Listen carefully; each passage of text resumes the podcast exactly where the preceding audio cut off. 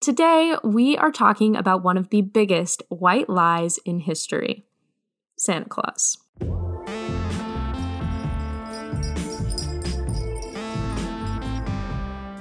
Hello, welcome back to Chapel Phil. My name's Brennan Maynard, and I am an undergraduate fellow here at the Parr Center. I'm the communications director for the Chapel Phil team.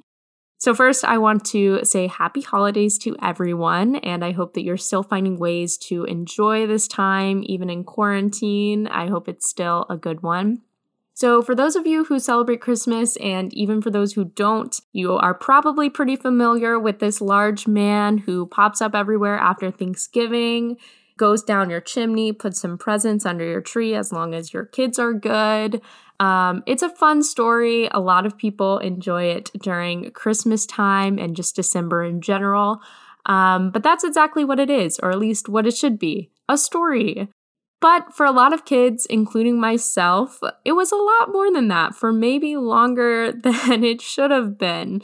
And this is because a lot of parents, basically the whole US mail system, teachers, random guys at the mall, just everyone, pour their hearts and their resources and everything they can into making sure that all kids are believing that this man, Old St. Nick, is real and that they are going to get presents from him as long as they are good on Christmas Eve.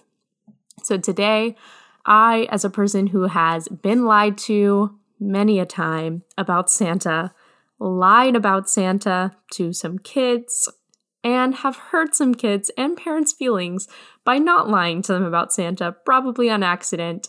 I want to explore whether all of this lying and just the whole thing in general is ethical.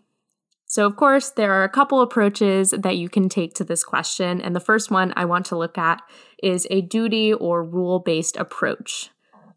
This would say that lying is always bad, no matter the reason, no matter whether your intentions are good or bad. It's just wrong. And we should never tell our children something that we know is false with the intention of making them believe it's true. So, there's some science backing this up, especially in children. A Washington Post article, which you can find linked in the description, talks about how having children believe in a lie, especially after they know that it's false, can lead to them distrusting their parents, their teachers, just any adult with the authority to tell them what is the truth. So, after all, these are the people who supposedly know their stuff, you know, they know the facts and they are teaching the child what is true, what is not true, what they should believe, and what they shouldn't. And so, if there's even an inkling of, you know, hey, maybe this guy can't go into 7 million chimneys overnight, and my first floor apartment doesn't even have a chimney. So, how is this working? And the all knowing adults just continue to exist on the reality of it without really providing any logical explanation because, you know, there isn't one. That can really confuse a kid and it can really lead to them not knowing who to trust and not trusting in the authority that is telling the truth about most other things. So, in addition to this, just simply someone in authority making a statement proclaiming something to be true can actually decrease critical thinking skills. So, children are really curious and they want to figure the world out. And so, leaving them to figure it out on their own can increase their critical thinking skills. And, you know, of course, sometimes it's necessary for parents and teachers to tell you what is true. Oftentimes it is. But in the case of Santa Claus, it really isn't. We can have Christmas with the story of Santa Claus, we can have the elves, we can have it all. And it can be told without the concrete assurance that he is, in fact, real and this all is actually happening. We can just tell it as a story. And so, all of this, the distrust, the lack in critical thinking, all of it has effects beyond just knowing who to think on Christmas Day. Today, more than ever, critical thinking is a really, really important skill in order to be an informed citizen. online we have so much information available and all of it is packaged as the truth, but not all of it is. And so we need to know who to trust. We need to know how to tell if things are real and things are not. And we need to have those really critical skills in order to figure out what should be taken as fact. I hope that this doesn't have too much of a real effect because if it does, I should be worried. But all of these unintended consequences lead me to the next approach. Maybe, unlike deontology would have you believe, not all lying is actually bad.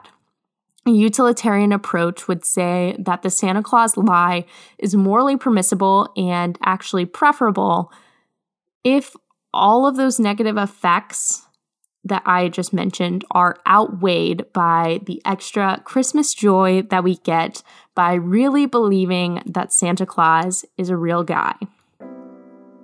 So, of course, there are some obvious pros here.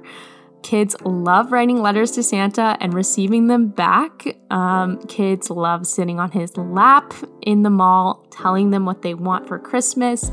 They love the cookies he eats, and a lot of family traditions, at least in my family, um, are centered around him and his elves and just all that that story contains. So, this is all fun. We like it. It creates this warm and playful time. Adults can be kids, kids can be kids with presents and Santa. It's great. And it can also be used as a disciplinary tool. You know, better watch out, better not cry, you know the deal. At almost every Christmas event in my family, I hear the words, you better stop or Santa won't come visit you. And of course, the kids listen. They follow the rules, they are more well behaved. At least that is the goal.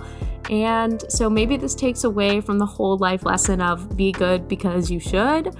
But, you know, it works in the moment. And so that can also be a plus for parents and family and everyone that has to be around some really tired kids on Christmas Eve. So, all of this can be really beneficial. And that means that the Santa story in general can be really beneficial.